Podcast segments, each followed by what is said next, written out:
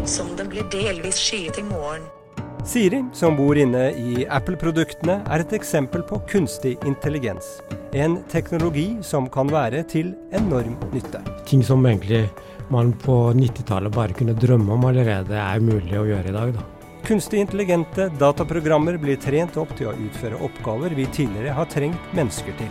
Vi jobber med også å diagnostisere eh, cerebral parese på nyfødte babyer. Men når programmene lærer av samfunnet rundt seg, oppstår det også problemer. F.eks. har afroamerikanere i Wisconsin i USA fått eh, strengere straff enn hvite. Fordi den kunstige intelligensen som rangerer hvor farlig forbryterne er, har vurdert afroamerikanere som høyere risiko. Og kan man i det hele tatt si at datamaskiner som finnes i dag, er intelligente? Det er jo et, et program som mennesker har skrevet, og så har de brukt en metode til å trene opp programmet. Men det er bare et program. Det er kodelinje for kodelinje. Hvordan kan vi best mulig bruke den fantastiske kunstige intelligensen? Du hører på De store spørsmålene, en podkast fra NTNU.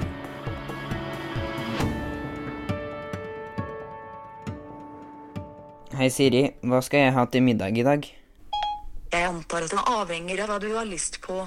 Kunstig intelligens dukker opp både her og der i hverdagen vår. Du kan snakke med Siri i iPhonen din, eller kanskje har du en smarthøyttaler. På Netflix får du anbefalt nye filmer og serier, og kanskje får du svar på spørsmål fra chatboten til banken. Hvis du ber meg om å søke etter restauranter, kan vi finne ut av det sammen. Foreløpig virker det ikke som dette er noe å være redd for, slik man får inntrykk av i dette klippet med Stephen Hawking fra 2014.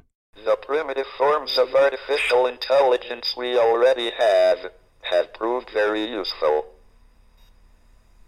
But I think the development of full artificial intelligence could spell the end of the human race. Once humans develop artificial intelligence, it would take off on its own and redesign itself at an ever increasing rate. Humans, who are limited by slow biological evolution, couldn't compete and would be superseded. Om vi bør bekymre oss for utviklingen av kunstig intelligens, skal vi komme tilbake til. Først må vi rydde litt opp i begrepene. For hva er egentlig kunstig intelligens? Fra mitt ståsted så er det jo teori og utvikling av systemer som skal gjennomføre oppgaver som vanligvis krever menneskelig intelligens. Heri Ramapiaro er professor ved Institutt for datateknologi og informatikk ved NTNU. Ja, Det er altså basert på en sånn encyklopedisk definisjon, egentlig, men som jeg syns er ganske dekkende. Eh, og det er på en måte det der aspektet med intelligens eh, som vanligvis egentlig vi forbinder med mennesker. Men, i utgangspunktet så, så er jo det eh, brukt for at folk skal forstå litt mer av tankegangen. Og så fordi det er ikke mennesker, så setter man kunstig foran. Kunstig intelligens heter Artificial Intelligence på engelsk, og det blir forkortet AI. Heri er tilknyttet AI-laben, hvor de nå jobber med et prosjekt for å avdekke cerebral parese hos nyfødte ved hjelp av kunstig intelligens. Normale babyer har sånn ofte litt sånn tilfeldige med, med bevegelser. Eh, og, og, på de som eh, er i risiko Eh, for å utvikle CP, så er den bevegelsen litt annerledes enn de normale. Ofte litt sånn stakkato bevegelse, f.eks. Eh, eksperter vil jo kunne identifisere denne avviken eh, veldig lett, bare å se, bare se på babyen. Eh, og det er det vi egentlig prøver da, å etterligne. Og her er det sånn å filme babyen. Eh, trekke ut eh, bevegelsesmønsteret fra filmen eller videoen og så la systemet identifisere risikoen. Men er slike systemer egentlig intelligente? Kunstig intelligens, det vi definerer som det i dag, de programmene som kjører og det som ligger i en Tesla-bil eller skatteetaten bruker på chatboten sin, det er jo et, et program som mennesker har skrevet. Og så har de brukt en metode til å trene opp programmet.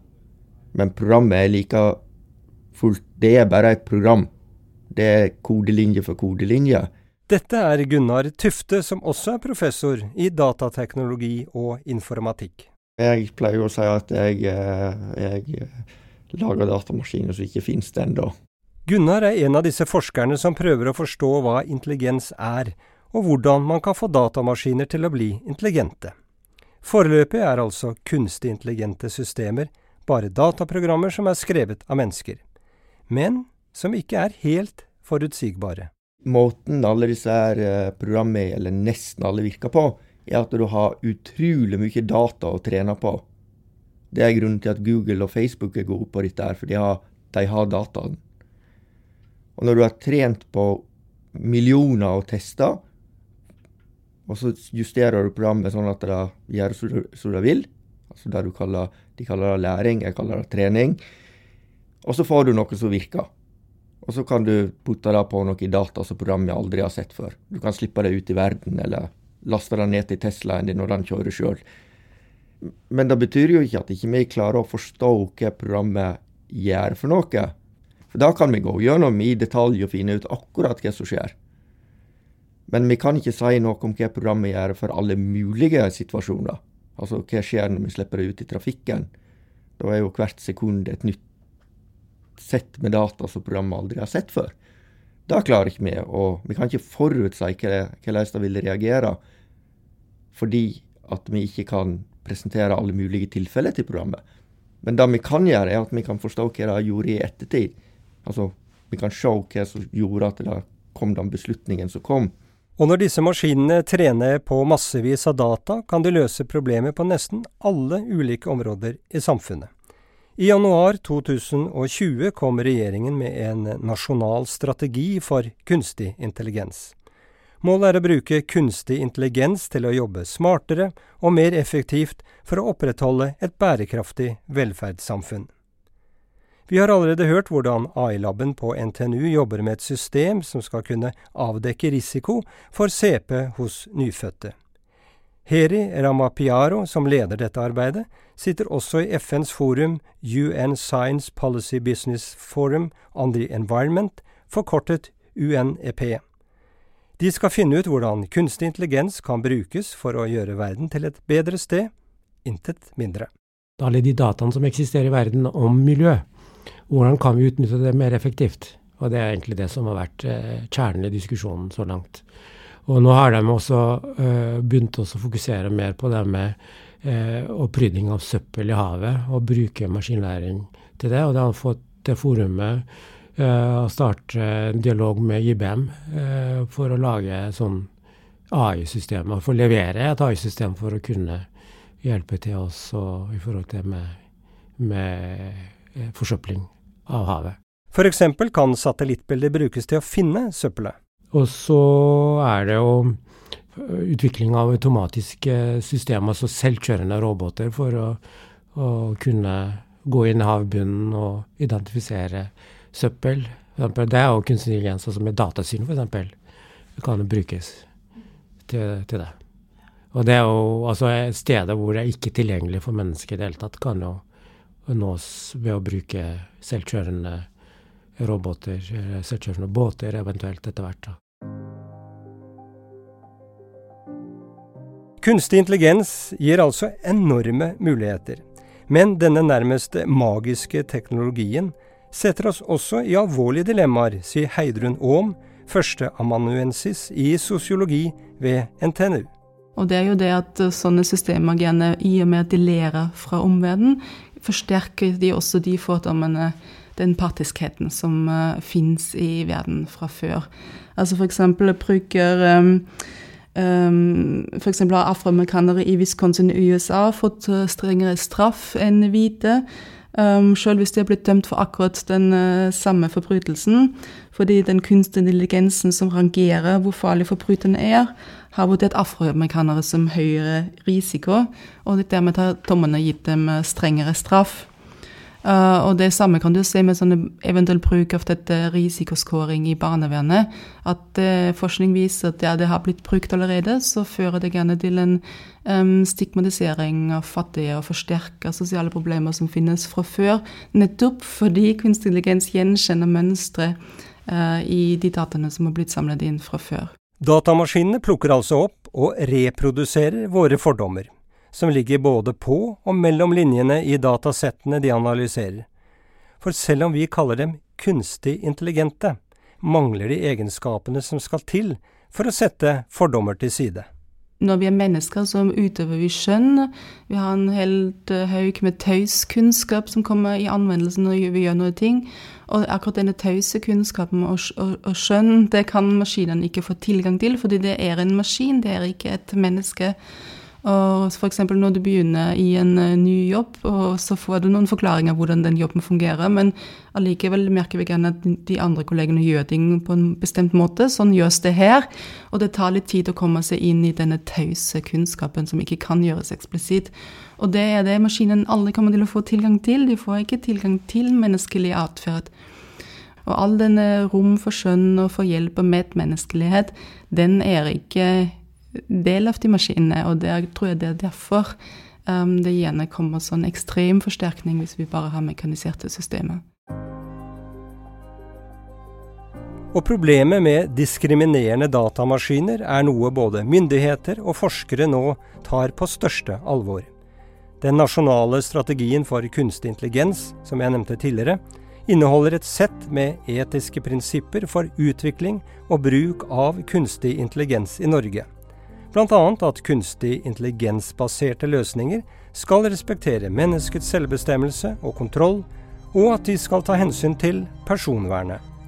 For Heri Ramapiaro er dette en viktig del av forskningen på kunstig intelligens. Som forsker så er vi nødt for å være også bevisst på hvilke dilemmaer vi står overfor. Bare for å ta et eksempel, altså veldig nyttig å kunne, kunne diagnostisere eh, nyfødte babyer med cerebral parese. Men det er også en etisk aspekt ved det. Eh, for at for altså det som vi håper på, er at det skal kunne gjøres med mobiltelefonen. At mobiltelefonen på en måte skal kunne fortelle om eh, Altså at babyen er i risikosonen eller ikke. Men det er jo altså det er fy-fy etisk ikke sant, å kunne gjøre det. Å si til, til en mamma eller pappa at ba, ditt barn har CP med mobiltelefon. Det vil jo alle. Ditt håper vi aldri kommer. Men det som vi prøver å, å løse dilemmaet på, er jo at uansett om det er positivt eller negativt, så får eh, foreldrene beskjed om å ta med barnet til videre undersøkelse til sykehuset. Og så bli fortalt om diagnosen der isteden.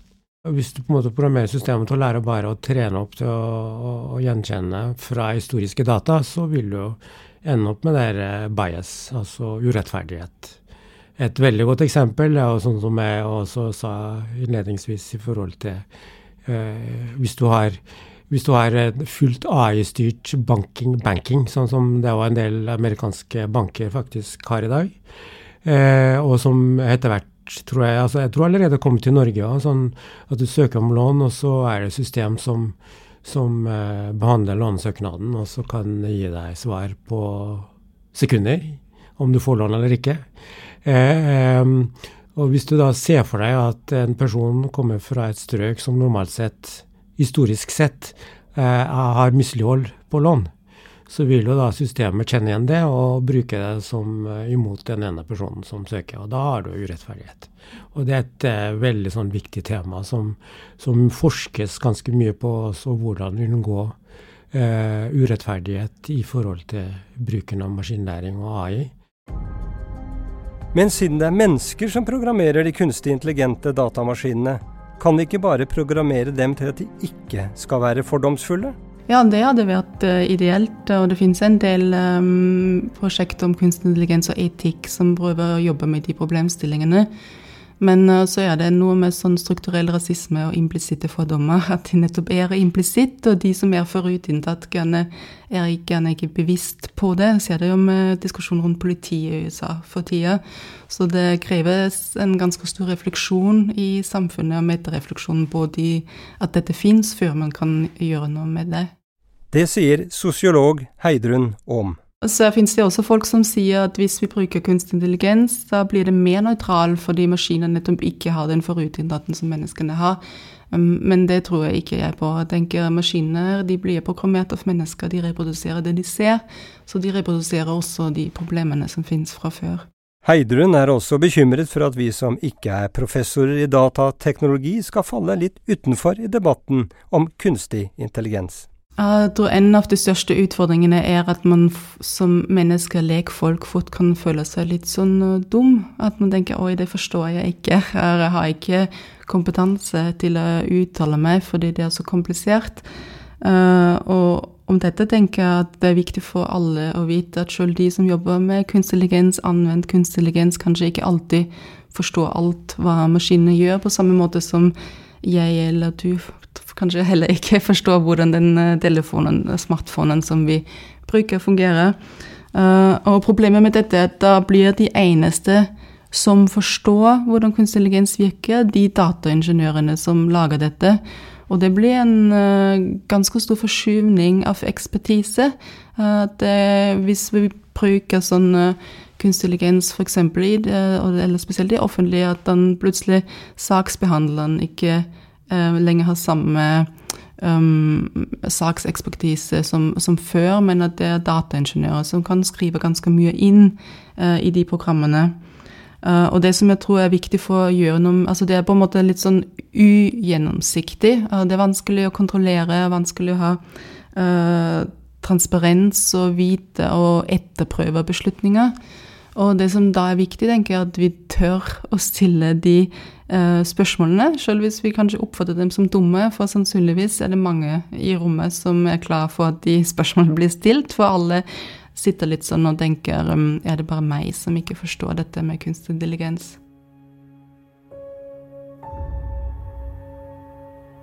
Kunstig intelligens gir altså enorme muligheter, men også store utfordringer. Likevel Ingenting av det vi har hørt til nå tilsier at kunstig intelligens skal utrydde menneskeheten. For det var jo det Stephen Hawking sa.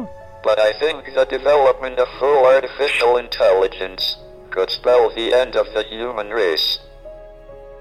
Gunnar Tufte, han som lager datamaskiner som ikke finnes ennå, er ikke så glad i den vide definisjonen av kunstig intelligens. For det var en eller annen gang definert så datamaskiner som kan gjøre alt arbeid eller alle funksjoner som mennesker kan gjøre. Og Det betyr jo at eh, de egentlig bør kunne tenke og lære og, og endre seg sjøl. For da kan det jo de for meg klare å være så smarte eller, eller gode til å tilpasse oss oppgaver og omgivelser, er at vi endrer oss sjøl.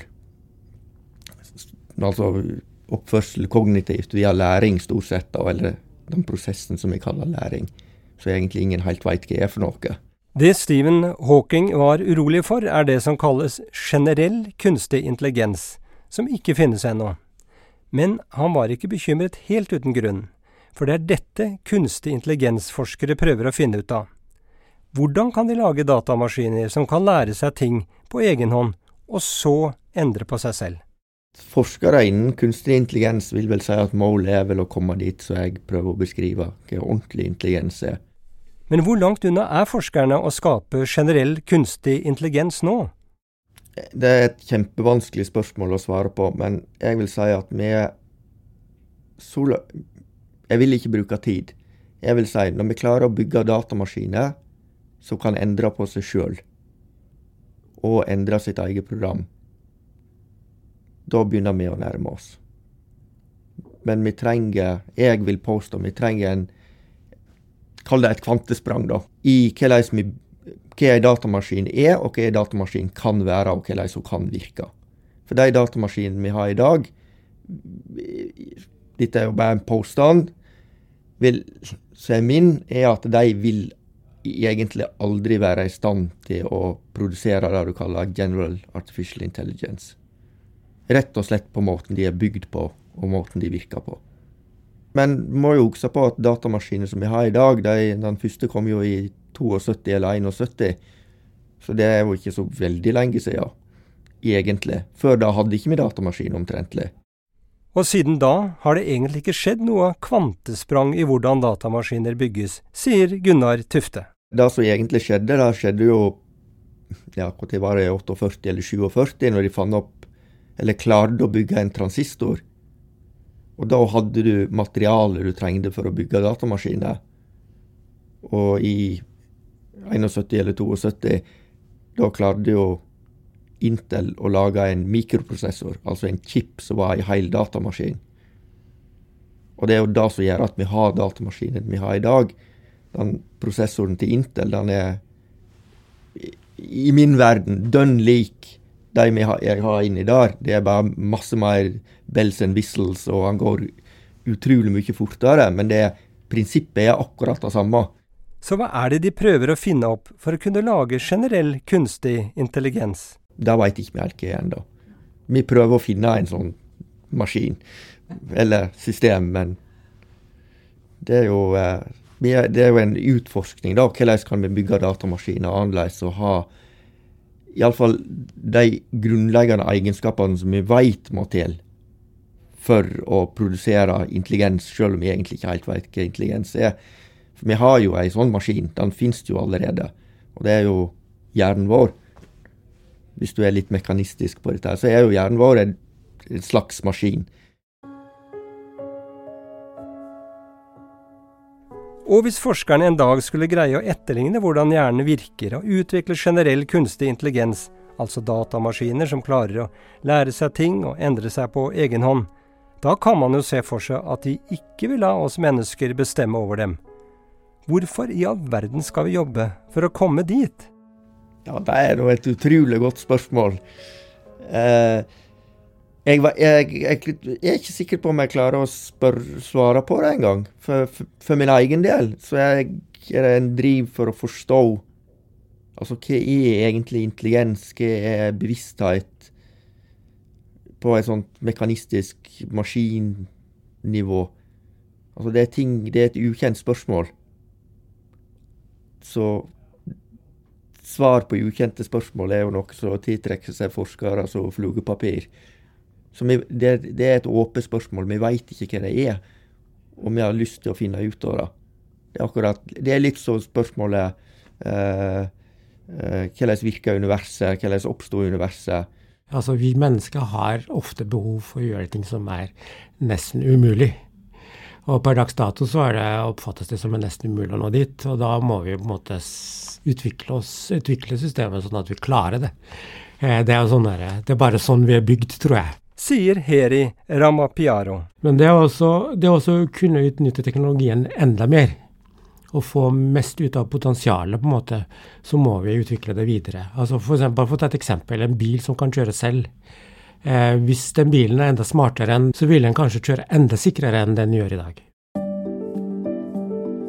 Så kanskje greier forskerne en gang langt inn i fremtiden å utvikle generell kunstig intelligens.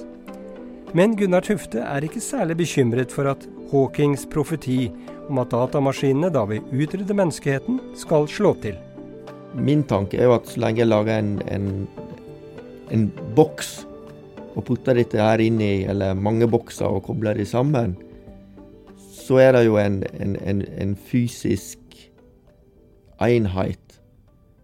Og den går jo ikke noen plass. Han forsvinner jo ikke.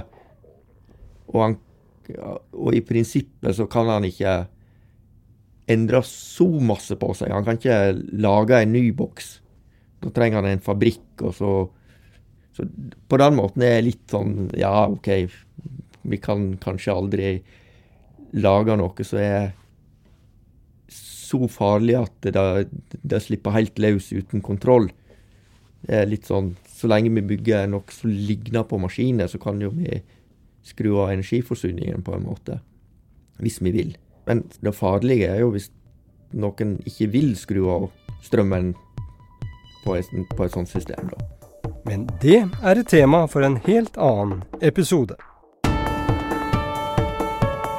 Du har hørt De store spørsmålene, en podkast fra NTNU. Den er produsert av Historiebruket i samarbeid med NTNU Kommunikasjonsavdelingen og Randi Lillealteren er produsent og sørger for redigering og lydetterarbeid. Hanne Sliper Midling er researcher og prosjektleder. Og jeg heter Christian Fossen.